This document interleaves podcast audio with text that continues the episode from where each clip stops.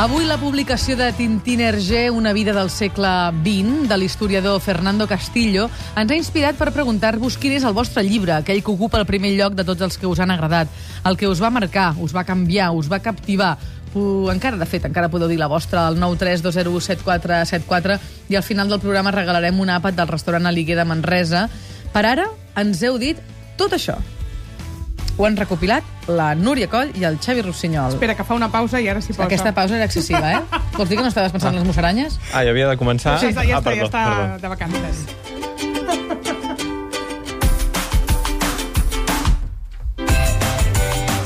És que sense la música...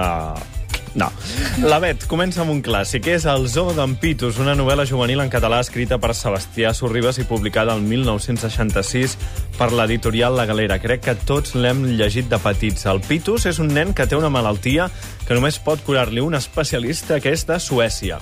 Els seus amics del barri del Raval muntaran un zoo per recollir diners i per poder-li pagar el viatge.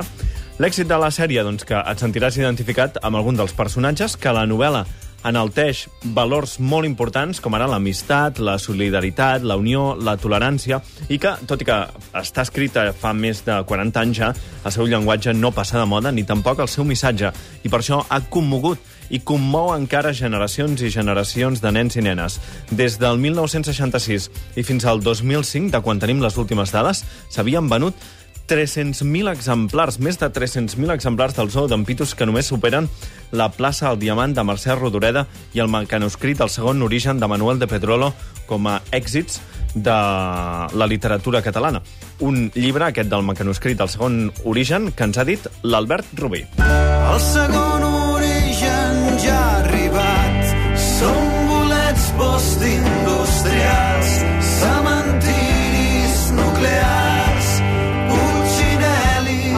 putxinel·lis... El segon origen, un altre llibre d'aventures, l'Alba, una noia de 14 anys que salva en Didac, un noi negre que uns brètols han llançat a una resclosa. Quan surten de l'aigua se n'adonen que hi ha hagut un atac d'uns platets voladors que ho han destruït tot. Tots els edificis estan en runes, els familiars han mort, no queda cap mamífer, no hi ha electricitat. L'Alba i en Didac decideixen anar-se'n a viure a una cova al bosc, menjaran el que podran i intentaran trobar altres supervivents. Fa molts anys que el director de cinema Vigas Luna vol fer-ne la pel·lícula d'aquest manuscrit del segon origen i ara sembla que comença a agafar forma. El film serà en tres dimensions i té un gran pressupost, 10 milions d'euros. Es dirà simplement segon origen i algunes escenes es rodaran al Camp Nou. La pel·lícula està basada en la novel·la perquè al film, per exemple, coneixerem el pare de l'Alba, que és un ecologista radical i que, entre d'altres coses, ensenya a la seva filla a plantar un hort. I diu Vigas Luna, posats a refundar la humanitat sencera, mirem de fer-ho sobre uns valors nous. Està previst que segon origen s'estreni la tardor de l'any que ve. 932017474. Ani, bon dia. Hola, Ani. Hola.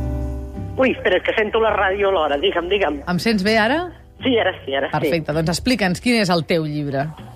Mira, el, el llibre que... Bueno, n'hi ha, ha diversos que m'agraden molt, no? Però un dels que més m'havia agradat era un que es diu Les filles de Hannah Uh -huh. i també un de la Tracy Chevalier, que és el Blau Virginal. Uh -huh. Però després, el, el, un dels llibres que més m'ha agradat, és un que vaig llegir quan era molt petita, que era un conte que es deia Els bons amics. Els bons amics, eh? Els bons amics. És un conte que va d'un conillet del bosc, que fa molt fred i bé, no té gana i no té res per menjar i es troba dues pastanagues. Se'n menja una i la, la que li sobra doncs la porta un altre amic animalet, aquest animalet a un altre amic animalet, sempre pensant que l'altre té gana i no tindrà res per menjar.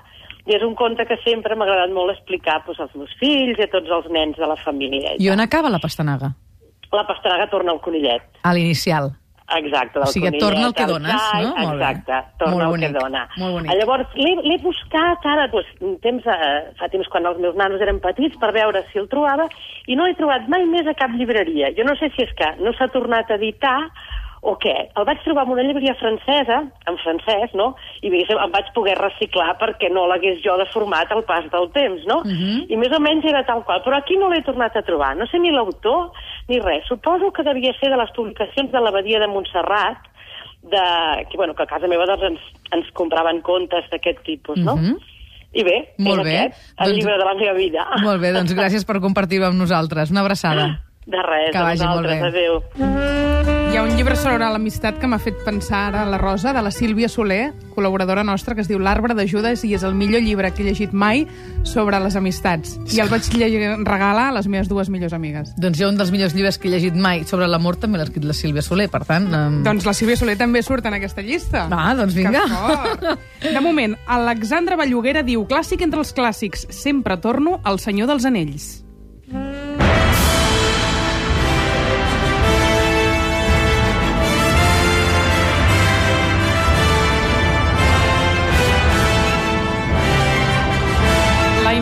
Influència de l'obra de Tolkien és increïble, s'ha acabat convertint en un llibre de culte i ha captat tot tipus de perfils de lectors i generacions. El Senyor dels Anells ha venut més de 100 milions d'exemplars i s'ha arribat a definir com el millor llibre del segle XX arran d'una enquesta feta al 97 per la BBC entre els lectors anglesos. Els últims que s'han enganxat a l'obra de Tolkien són justament ara els fans de Harry Potter. I la Dolors escull un altre clàssic també portat al cinema, que és En el nom del pare.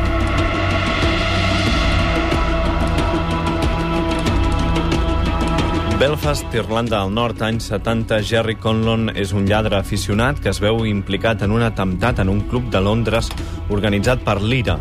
Diverses persones perden la vida. Intimidats per la policia britànica, ell i els seus quatre amics es veuen forçats a declarar-se culpables. El seu pare també se l'involucra en el crim.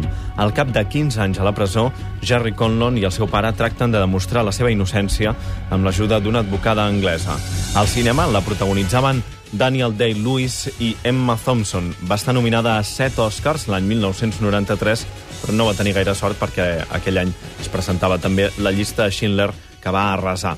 Era, per cert, el mateix any de l'Oscar per Belle Époque. La llista de Schindler, boníssima, però en el nom del pare, estratosfèrica. Ens encanta, també. I bé, poc ens va fer com riure. Tornem al telèfon, 932017474. Ani, ara sí, bon dia. Dia. A veure, explica'ns, quin és el teu llibre? El meu llibre és El otoño del patriarca de García Márquez, Uh -huh, que trobo que és el, el García Márquez més pur uh -huh. i, i realment és que quan estic traient la pols tinc d'agafar-ho, obrir-lo per qualsevol cantó i llegir-me dos o tres pàgines perquè és com menjar-me un bombó. Boníssima, Oh. aquesta imatge, eh, de per treure... la- qualsevol part que ho agafi, ho llegeixo una miqueta perquè és que gairebé ho sé de memòria, perquè ho torno a llegir una vegada a l'any i la veritat és que ho gaudeixo moltíssim, moltíssim. Deu haver-hi passatges que fins i tot et saps gairebé de memòria, no? Ah, home, si te l'has llegit un cop l'any... No, la veritat és que no. Molt bé, molt que bé. és complicat, de saber-ho de memòria és complicat. Torna'm a dir el títol. El otoño, el otoño del patriarca... Del patriarca. Molt bé, Costa molt fantàstic. de trobar-ho. Si es pot dir, jo ho he trobat l'any passat um, que volia regalar i ho he trobat a la Casa del Llibre. Uh -huh. I costa moltíssim de trobar-ho perquè ho he buscat per tota Barcelona i no ho trobava. I volia regalar-ho a una amiga i, i la veritat és que val moltíssim la pena. Doncs cap a la Casa del Llibre. Fantàstic. Moltíssimes gràcies, Ani. Adéu, Que gràcies vagi a bé, bon dia. Adéu-siau. Adéu.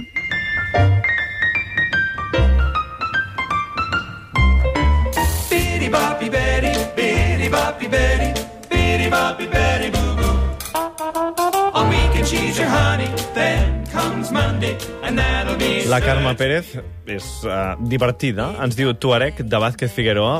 Em va encantar i em va ensenyar una cosa que amb els anys no he oblidat, que la calor es pot controlar. A la Maria Teresa Marcó, que escull les tires de Mafalda. Les he llegit i rellegit tantes vegades que me'n sé moltes de memòria. La Txell diu, encara que no sigui un best-seller ni una obra magistral, el llibre que he llegit més vegades són, uh, és El son dels volcans, de la Sílvia Soler, precisament un llibre fresc, àgil i divertit, recordant els meus estius a la Garrotxa. La Maria hi ha etapes que m'agradava molt un autor o autora, a vegades he anat per una temàtica, però un llibre que m'entusiasma és el Club de la Bona Estrella, de l'Amy Tan. Con exótica destreza regalaba sombra, sombras de la China. Quatre dones xineses es reuneixen regularment a San Francisco per jugar al mahjong, disfrutar del menjar xinès i explicar històries. El Club de la Bona Estrella tracta del que es pot perdre i el que es pot conservar entre generacions. Mentre les mares viuen recloses en els records de la seva Xina natal, les filles estan immerses en la cultura nord-americana. Les lliçons que les primeres ensenyen no són les que les segones aprenen, i mentre aquelles exigeixen el millor de les seves filles, aquestes els reclamen el dret a ser imperfectes. Doncs ara tornem al telèfon al 932017474. Maite, bon dia. Hola, bon dia. Quin és el teu llibre? Um, bueno, ja, ja m'ho han dit abans, però bueno, t'ho torno a dir. Uh, el que han escrit el segon origen Mhm. em va agradar molt, era d'un dels primers llibres que vaig llegir en català, era molt joveneta, i bueno, em va quedar marcat. Fantàstic. em quedar marcat, i a veure, és un llibre doncs, que, que avui en dia trobo que encara, encara pot ser un llibre maco per llegir. Uh, llavors també un, un, volia comentar una senyora que ha dit que no sap on trobar els bons amics, Sí? un, eh, llavors, mm, jo no sé si es pot dir la casa. Sí, tant que pots dir-la. Sí, bé, uh, jo en tinc un que li vaig comprar tota una col·lecció al meu fill quan era petit, tots en català, editat per la Galera. Uh -huh. Uh, llavors estan molt ben il·lustrats, tots escrit mm, amb lletra gran, els dibuixos molt bonics, molt ben il·lustrats, i ho vaig comprar a través del, del Círcul de Lectors. Molt bé. Eh? No sé si, si es pot posar en contacte amb el Círcul de Lectors per veure si encara el tenen. Fantàstic. És molt bonic. Tota la col·lecció en català la tinc guardada. El meu fill ja és gran, però ho tinc guardat com un tresor. Doncs mira, si ens està escoltant, que segur que sí, perquè això fa un minutet, uh, segur que n'està prenent nota i ara sabrà on trobar aquest conte que tant li havia agradat. Moltíssimes gràcies, Maite. A vosaltres. Que vagi molt bé, bon dia. Bon dia. Adéu-siau. L'Albert sempre recorda i encara té a casa les aventures del 5 de Enid Blyton. En Ramon Cors es queda amb la Bíblia. La Maria Serra ho té clar, pedra de tartera. En Quim Carreras de Terrassa diu al món hi ha dos tipus de persones, els que han llegit Guerra i Pau i els que no, i el suplement us el recomano a tots. Que bo, ens ha agradat. En Carlos diu Corazón de En- Edmundo de Amiquis i del qual en van néixer els mítics dibuixos de Marco. I n'han dit tants que ara ja pel títol, Les veus del desert, Els pilars de la terra, El metge de Noah Gordon, Los estigmes de Eva. El país inerme. I la Charo diu que no en pot escollir un de sol, que tots són els seus companys de viatge. I ens ha trucat la Maria Rosa per recomanar-nos un llibre que volem explicar, que sortirà aviat. Aranxa Parcher, de la recent desapareguda Marta Salvador. Doncs per acabar i per agrair-vos a tots aquestes trucades, una última trucada al 932017474. Carme, bon dia. Hola, bon dia. A veure, quin és aquest llibre que t'ha marcat tant? No, no m'ha marcat, però No. mira, és curtet, és molt divertit, és original, Molt bé. és de l'Eduardo Mendoza, Sí. i es diu Sin Sin Noticias. notícies de GURB, ho sabia, molt bé. Curtet i boníssim, i del Mendoza, sin notícies de GURB, sense notícies de GURB. I tant que sí, Carme, ho comparteixo. Una bona, una bona lectura, per tant, per aquest estiu, fantàstic. Molt bé. Gràcies per trucar. Vosaltres per de passar un bon diumenge. Moltíssimes gràcies. Una abraçada, Carme. Igualment. Adéu-siau. Adéu. Moltes gràcies a la gent que ens ha enviat correus electrònics, que ha deixat el seu comentari al Facebook i que ens han trucat al telèfon del directe per uh, participar, per dir-nos quin era el seu llibre. Era una altra manera de fer recomanacions literàries per aquest estiu que per nosaltres comença ara mateix, d'aquí a 30 minutets aproximadament, i que ha, fet, que ha portat a la Laura Duran fins a l'estudi de Catalunya Ràdio. Laura, tu tens un llibre... No es parla amb la boca plena. No, és que ja ha estat arribar i atacar els pastissets que ens han posat de xerta. Que m'agrada molt menjar i si són pastissets de xerta encara més. Aviam, un llibre. He conegut una noia, de Roger Coma. Mm -hmm, molt bé. Dic alguna cosa més? No caldrà. Vale. Dia ens explicaràs què No. passa entre tu i Roger Coma. Però per la resta no caldrà afegir res més. Doncs vinga, d'aquí una estoneta farem el sorteig d'aquest àpat per dues persones a Cala Liguer de Manresa.